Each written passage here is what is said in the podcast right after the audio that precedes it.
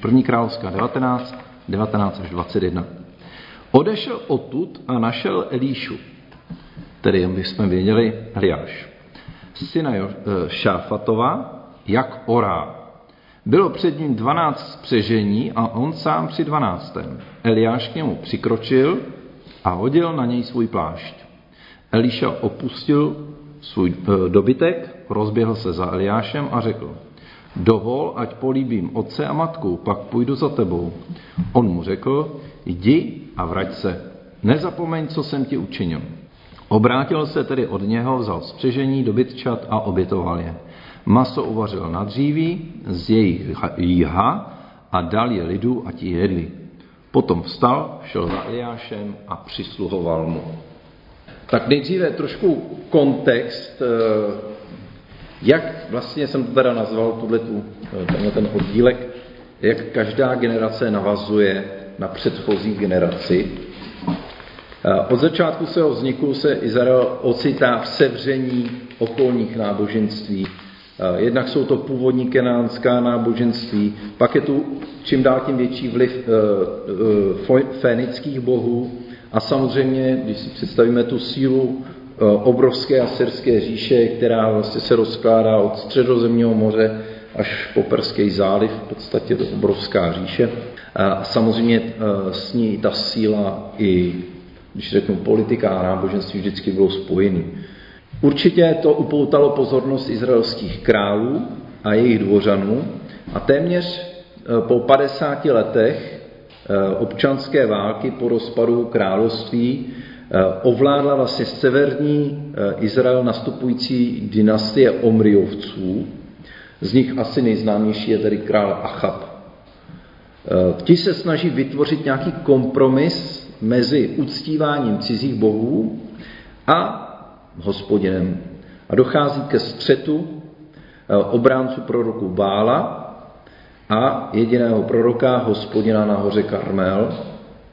Hospodin zde vítězně stvrdí před zraky bálovců, že Bohem je hospodin a Eliáš jeho oddaným prorokem. Ovšem ten konflikt vlastně není zažehnán a pokračuje a Eliáš odchází vyčerpán eh, na horu Choreb, kde mu hospodin se zjeví a řekne mu, tak to čteme v těch předchozích verších, Hospodin mu řekl, jdi, vrať se svou cestou k Damašské poušti, až tam přijdeš, pomažeš Kazaela za krále nad Aramem, což byli sousedé, jo? Jehua syna Nimšího pomažeš za krále nad Izraelem a Elíšu syna Šáfatova z Abel Mecholi pomaž, pomažeš za proroka místo sebe. Kdo unikne Chazélovu meči, to usmrtí Jehu, a kdo unikne Jehovom meči, toho usmrtí Elíša. Ale zachovám v Izraeli sedm tisíc, všechny ty, jejíž kolena nepokleká před Bálem a jejíž ústa ho nepolíbila. Stejně jako Eliáš se i my můžeme uh, ocitnout na dně, osamělí, sklíčení, vysílení i ze služby. Hospodin tomu rozumí a i když počítá s každým z nás, Eh, s každým služebníkem, rozumí, že každý má svůj omezený čas a své síly. Konec Eliášovy služby se blíží a je nutno najít někoho, kdo bude zvát lidi k Bohu a kdo přijme závazek k duchovní obnově Izraele, což je úkol proroku. Duchovní obnova Izraele. Eliáš má najít někoho, kdo bude oddaný hospodinu stejně jako on, kdo se odevzdá celé službě Bohu. Podobně jako našeho Přemysla Oráče, což mi přišlo, nevím, jestli vám, se vám to vybavilo hnedka, ale mně se to po každý vybaví, eh, když jde eh, Eliáš hledat Elíšu, eh, syna Šafatova, tak ho objeví jak orá. Ale bylo to jiné, než s naším Přemyslem Oráčem. Před Elíšou bylo 12 spřežení a on sám při 12. A může se nám vybavit 12 kmenů izraelských, ke kterým má být eh, poslán. Byl totiž prorokem samozřejmě hlavně severního Izraele, ale taky poradcem judských králů, jak se dovídáme později. Eh, někdo by si mohl, všimnout po, vlastně podobnosti s povoláním 12 apoštolů, 12 učedníků. Jako byli apoštolové odvoláni od rybolovu, aby lovili lidi, byl Elia, Elia pardon, tam mám na chybu, Elíša odvolán od obdělávání půdy, e, dávající zrno, aby nasytil Izrael a rozséval semeno božího slova. Možná tady k těm jménům, proč se to plete, ono by se to nemuselo plíst, kdyby to překládali víc do hebrejštiny, protože Eliáš je hospodin, můj Bůh je hospodin, že jo, El, eh, Jáš jako hospodin a eh, ten druhý je Eliezer, což je eh, Bůh je, můj Bůh je má pomoc, nebo moje záchrana taky.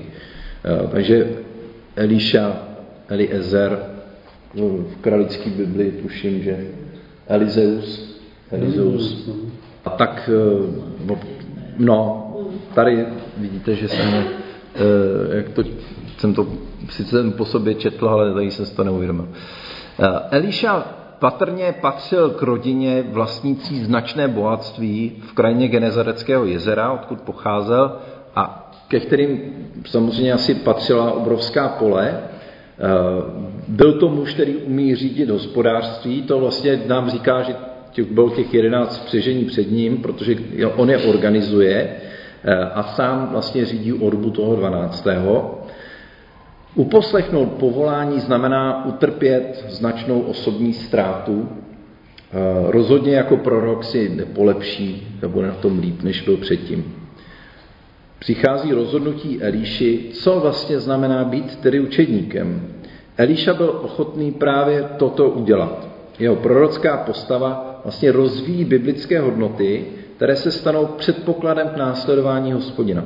Jeho povolání nepředchází nějaké zvláštní zjevení, jako například u Izajáše, víte, jak tam viděl ty anděly, jak tam e, promlouvali s hospodinem a pak řekl, kdo nám půjde a e, to vlastně to Izajáš na to odpověděl. Tady prostě přijde prorok Eliáš, pozve, pozve ho, aby se stal jeho učeníkem, dá na něj plášť a on jednoduše na to odpoví. E, zase můžeme vidět tu podobnost s tím povoláním 12 učeníků.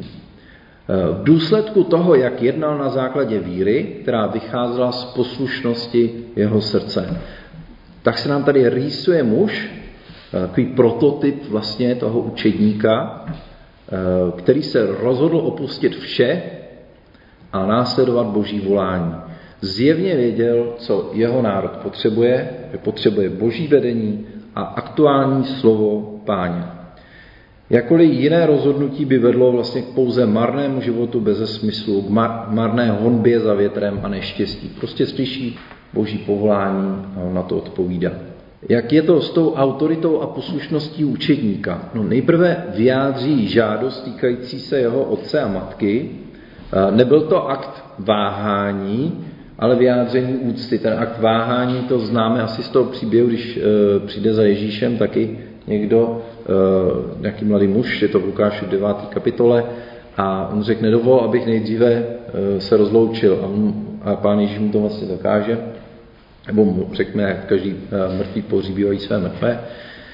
Tady je to vlastně jinak, tady to není váhání.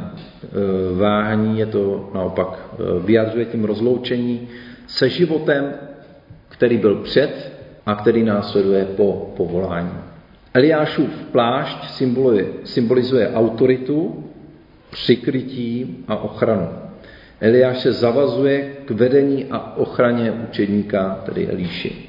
Přijetí tohoto pláště symbolizuje ochotu Elíši se učit, být tedy učedníkem a poslechnout. Výzva k následování Pána Boha neznamená, že musíme nejprve obdržet nějaký zázračný dar, který bychom, kterým bychom mohli sloužit. Do určité míry je to odevzdání právě toho, co mám, Bohu, aby on nějakým způsobem to proměnil a rozvinul. My pak rosteme právě používáním toho daru, který nám Pán Bůh dá. Nemusíme se ptát, pane, mám nějak rozvinout dar nebo najít místo pro svoji službu, kde bych ten dar použil. Je to jako kdybychom se ptali, e, zda máme používat ruce k dílu nebo nohy k chůzi. Jak jsem říkal, Pán Bůh nás povolává takové, takové jaký, jsme, jaký jsme. Vlastně to je otázka. Nemůžeme se dát k dispozici Bohu právě takový, jaký jsme. On si nás použije, jak sám chce. To, co máme, rozvíjíme, rozvíjejme a nezanedbávejme a v ustanovený čas budeme také sklízet. Člověk nemusí čekat, až přijde nějaký z nebe nějaký velký jako zjevení, když to řeknu, ale člověk může od, z místa, kde je, začít dávat Bohu to, co má. Nezapomeň, co jsem ti učinil. Tomu řekl uh, Eliáš, on mu řekl, jdi a vrať se a nezapomeň, co jsem ti učinil. Povolání, které se Elíšovi dostalo, nebylo od člověka, ale od hospodina. Eliášovo jednání bylo symbolické a představovalo to vyšší konání boží. Eliáš vyjádřil, co mu Bůh zjevil a Elíša musí pochopit, že se nezodpovídá člověku, ale přímo Bohu. V konečném důsledku se zodpovídáme my, Pánu Bohu, za to, co děláme svými životy. A i když si Pán Bůh používá muže a ženy, aby nás oslovili třeba k nějaké službě, eh, nebo nás nějakým způsobem vedou, učí, eh, něčemu třeba i připraví, vyškolí, oni jsou pouze boží nástroje k tomu, aby nás nasměřovali tím správným směrem. Jedním vlastně z cílů vedení, podobně jako u rodičovství, je pomoci lidem naučit se být odpovědný samému Bohu. Ne člověku, když to řeknu, ne starším, ne kazateli, ale odpovědným Bohu. Další chvíle nastává, kdy vlastně Elíša opouští to, co má za sebou. Spálit mosty za sebou. To určitě znáte, to rčení. Obrátil se tedy od něho, vzal spřežení dobyčat a obětoval je. Maso uvařil na dříví z jejich jíha a dal je lidu a ti jedli. Právě ti voli, spřežení, eh, dřevěný pluh s jem představují nástroje řemesla, kterými se do té doby Elíša živil. To, na čem stál jeho dosavadní život, v podstatě pálí mosty za svojí minulostí. Stejně to později vyjádřil slově poštol Pavel v listu Filipským, ale cokoliv mi bylo ziskem, to jsem pro Krista odepsal jako ztrátu. Je ochoten obětovat minulost pro pána, aby mohl získat a dosáhnout nový život a službu, kterou Bůh pro něj má. To je zásadní rozhodnutí následování, eh, následování Pána Ježíše určitě v tom smyslu, že opravdu člověk má, eh, někdy přijde do okamžiku, kdy skutečně má spálit všechno a vydat se na tu novou cestu, kterou mu Bůh připravil a neohlížet se už zpátky.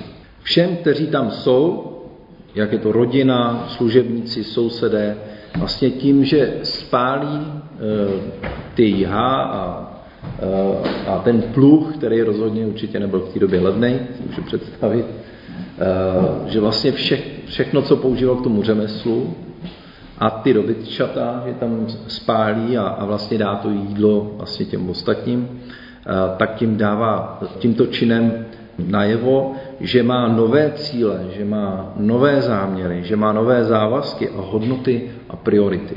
Končí vlastně jako farmář a dále bude žít jako prorok. Nebude se ohlížet, snažit se vrátit do, eh, nebo opustit to boží povolání bez ohledu na to, jak těžké to může být. Koná vlastně takovou slavnostní hostinu na počest tohoto kroku a ostatní si bere jako svědky toho jeho rozhodnutí následovat boží povolání. Následuje Elišova tvrdá příprava ke službě proroka, potom vstal, šel za Eliášem a přisluhoval mu. Eh, začátky služby eh, bývají vždycky taková řehole. Eh, Elíša se stává sluhou, Eliášovým služebníkem. Učednictví znamená následování a není to, že člověk si jenom tak jako poslechne nějakou přednášku. Být učedníkem je mnohem osobnější vztah. Není to jenom takové studium teologie, ale praktické napodobování mistra. Elíša se učí službě druhým, pokoře před mistrem, podřizuje se autoritě, učí se lojalitě, věrnosti, poslušnosti v roli toho, kdo přisluhuje svému mistru. A nebo eh, pane, taky říká pánu. Eh, jsou to životně důležité návyky, klíčové pro jeho výcvik a nebo přípravu eh, na službu. Říká se, aby člověk mohl vést, musí se nejprve naučit být veden. Aby bylo možné dávat pokyny, musí se eh, nejprve naučit pokyny přijímat a poslechnout. A chceli mít někdo loajální spolupracovníky, musí se nejprve loajalitě, loajalitě naučit. A Ježíš tuto myšlenku ještě schrnuje eh, v 16. kapitole Lukáše. Kdo je věrný a nejmenší, v nejmenší věci, je věrný také ve velké. A kdo je v nejmenší věci nepoctivý, je nepoctivý i ve velké. Obraz pravého učednictví vidíme ještě v Ježíšově, Eh, Marku 10, 10. kapitole, kdy říká, kdo se mezi vámi chce stát velkým, buď vaším služebníkem, a kdo chce být mezi vámi první, buď otrokem všech. Schrnuli vlastně to, hm, řeknu tu, eh, tu zprávu i pro nás, eh, tak symbolicky bychom si mohli vzít ten boží plášť, nebo plášť vlastně to Eliášu, ale můžeme vidět v tom i ten boží plášť povolání učedníka Ježíše Krista. Eliáš vložil plášť Eh, na Elíšu jako znamení povolání k novému životu. Život prorockého učedníka. Prorok svým životem, svým jednáním zjevuje hospodina a přináší jeho slovo.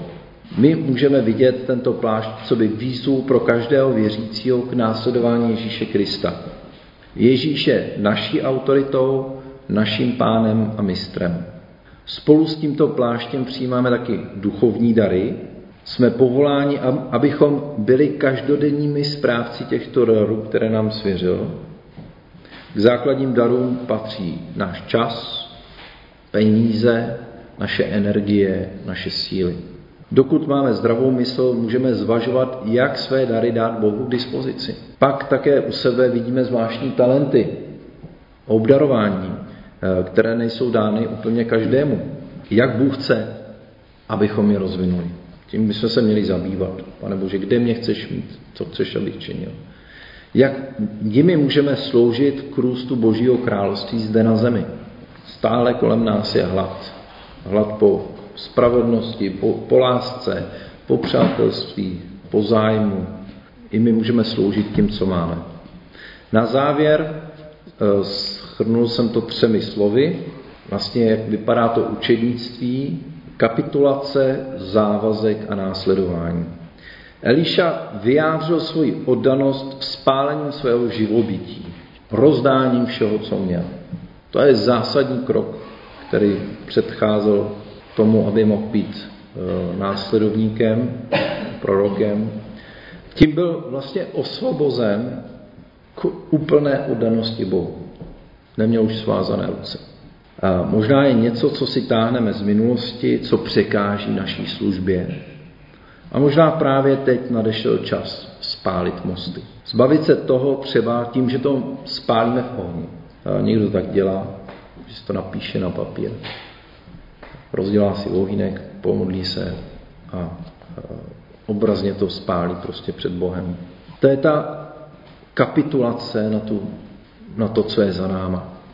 A za druhé, tam ten závazek. Eliša se rozhodl k radikálnímu následování. Není-li závazek, budeme se potácet ve tmě. Nebudeme schopni činit těžká rozhodnutí vedoucí cíly. Závazkem se rozhodujeme k obětem, bez kterých e, žádného cíle nedosáhneme. Teprve, když se člověk, když to řeknu, můžu dát příklad, člověk si řekne, mohl bych studovat, občas si přečtu nějakou knížku, že jo, tak.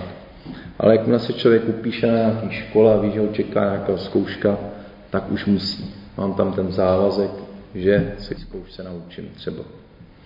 Tak takhle e, tomu můžeme rozumět, pokud vnímáme, že nás Pán Bůh něčemu volá, tak vezmu na sebe závazek, třeba budu zpívat v pěveckém sboru, nebo aspoň řeknu rok budu dělat tuhle tu činnost nebo tam tu činnost. E, Závazkem se rozhodujeme k obětem, bez, tedy, bez kterých žádného cíle nedosáhneme. Nebo respektive malých cílů. A za třetí je to následování.